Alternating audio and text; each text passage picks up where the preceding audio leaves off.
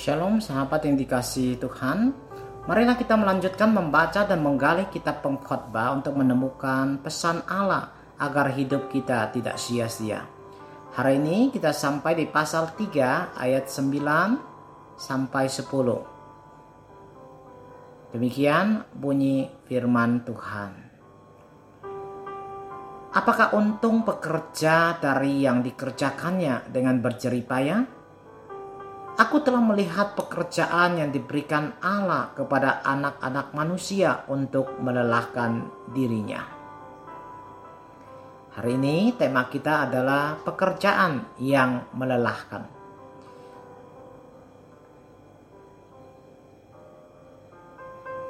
Suatu hari, seorang anak bertanya kepada papanya yang sedang bekerja dia tahu papanya selalu sibuk bekerja dan tidak punya waktu untuk menemaninya. Anak itu bertanya, Pak, buat apa sih papa kerja terus? Papanya dengan santai menjawab, ya, untuk cari uang dong, agar bisa banyak uang.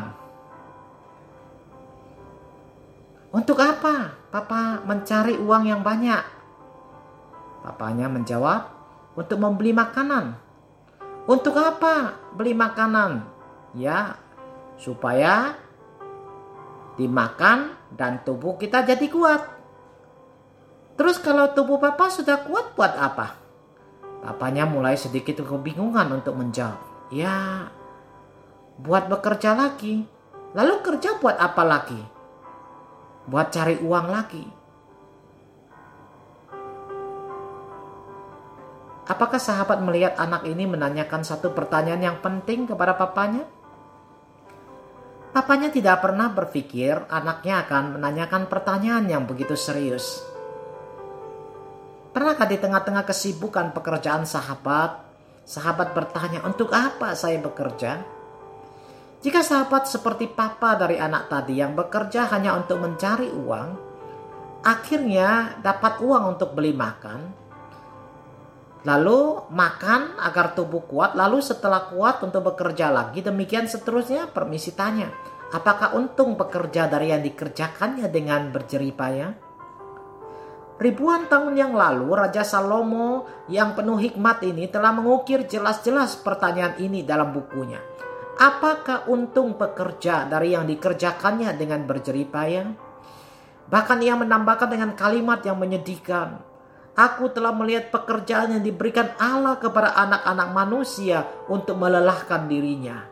Artinya, anak-anak manusia yang pagi, siang, malam bekerja setengah mati, akhirnya hanya merasakan kelelahan dan tidak ada keuntungan apa-apa yang bisa dipetik dari segala pekerjaannya untuk dibawa ke dalam kekekalan.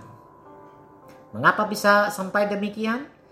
Jawabannya adalah karena orang yang bekerja itu semata-mata menjadikan pekerjaan itu sebagai tujuan hidup.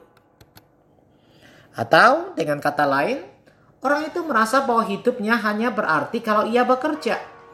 Kalau ia tidak bekerja, maka ia merasa hidupnya kosong.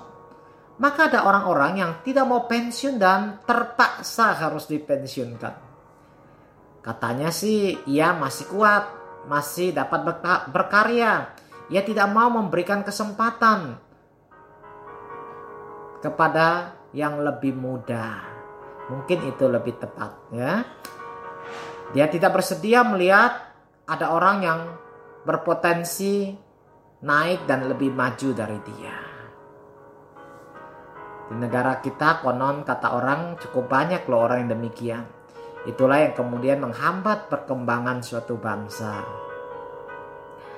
Sahabat, kalau kita menoleh kembali ungkapan Raja Salomo ini, apakah kita mau belajar sesuatu hari ini? Sahabat dan saya bukan tidak boleh bekerja dan berkarya. Jangan salah. Pekerjaan itu adalah anugerah Tuhan, bukan hukuman. Sekali lagi, Pekerjaan itu adalah anugerah Tuhan, bukan hukuman karena kita telah jatuh ke dalam dosa. Ada orang yang tidak baik-baik belajar Alkitab berkata bahwa sebenarnya pada mulanya manusia tidak perlu bekerja. kalau Adam dan Hawa tidak jatuh ke dalam dosa. Karena dosalah maka manusia perlu bekerja. Ini adalah pengajaran yang keliru. Kalau pekerjaan manusia menjadi bertambah berat karena dosa, itu benar. Dari mana kita mengetahui hal ini? Dalam kejadian pasal 2 ayat 15, yakni sebelum manusia jatuh ke dalam dosa, jelas dicatat bahwa Tuhan memberikan perintah kepada Adam agar ia mengusahakan dan memelihara Taman Eden. Mengusahakan dan memelihara Taman Eden jelas adalah pekerjaan.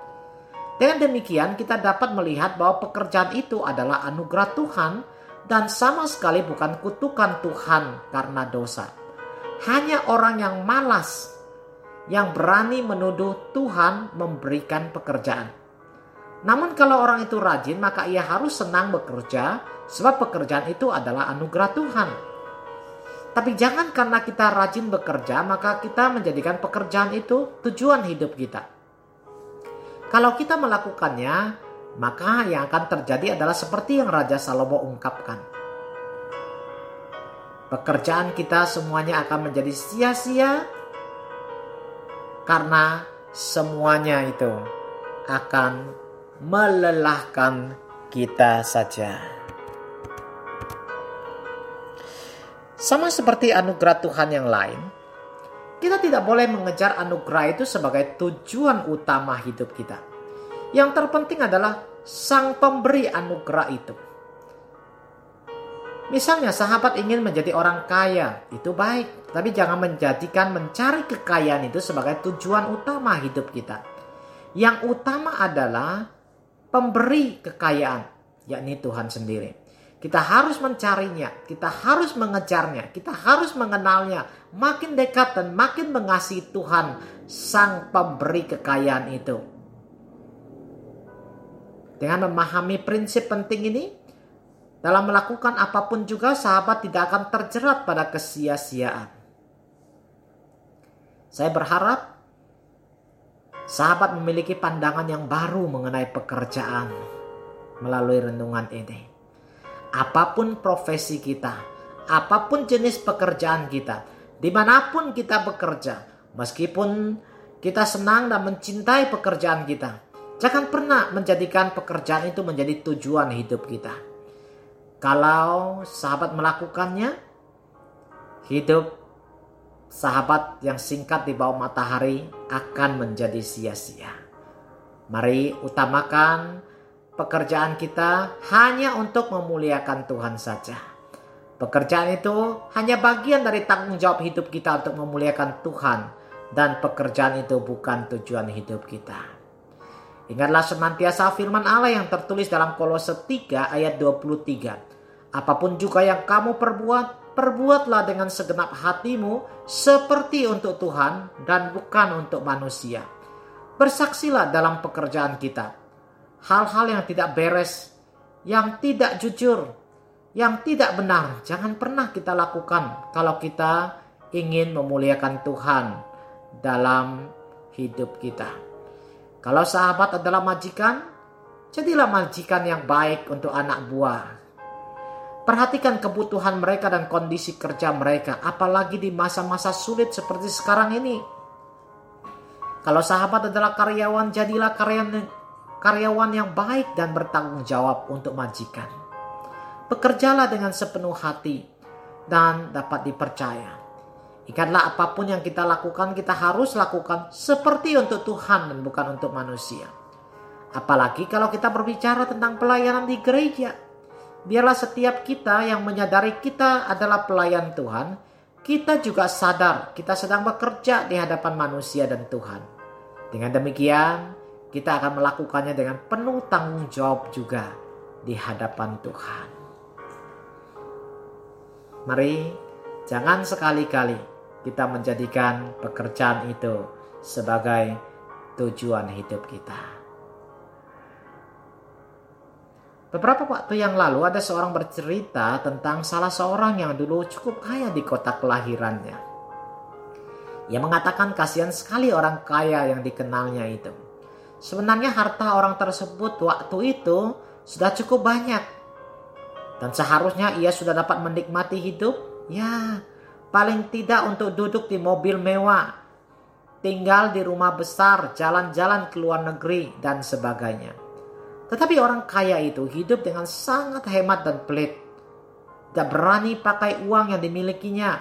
Bahkan sampai usia hampir 50 tahun tak pernah naik pesawat sekalipun. Makannya sederhana, bahkan nyetir mobil pun dia tidak bisa. Dia memang beli mobil, tapi hanya untuk anaknya agar anaknya rajin membantunya bekerja.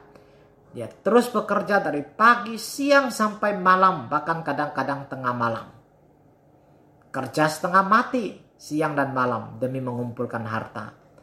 Tragisnya, suatu hari dia didiagnosa sakit kanker dan sudah stadium 4. Istrinya cepat-cepat membuatkan paspor untuknya tapi setelah paspor jadi belum sempat berangkat berobat ke Cina, dia sudah meninggal dunia. Untuk orang seperti ini, kalimat apa yang patut disematkan kepadanya selain daripada perkataan Raja Salomo yang kita bahas hari ini? Apakah untung pekerja dari yang dikerjakannya dengan berjeripaya? Aku telah melihat pekerjaan yang diberikan Allah kepada anak-anak manusia untuk melelahkan dirinya dan inilah kesia-siaan yang terjadi di bawah matahari. Semua pekerjaannya hanya seperti usaha menjaring angin. Kiranya kita semua yang masih bekerja tidak melakukan kesia-siaan karena kita melakukannya untuk kemuliaan Tuhan. Amin.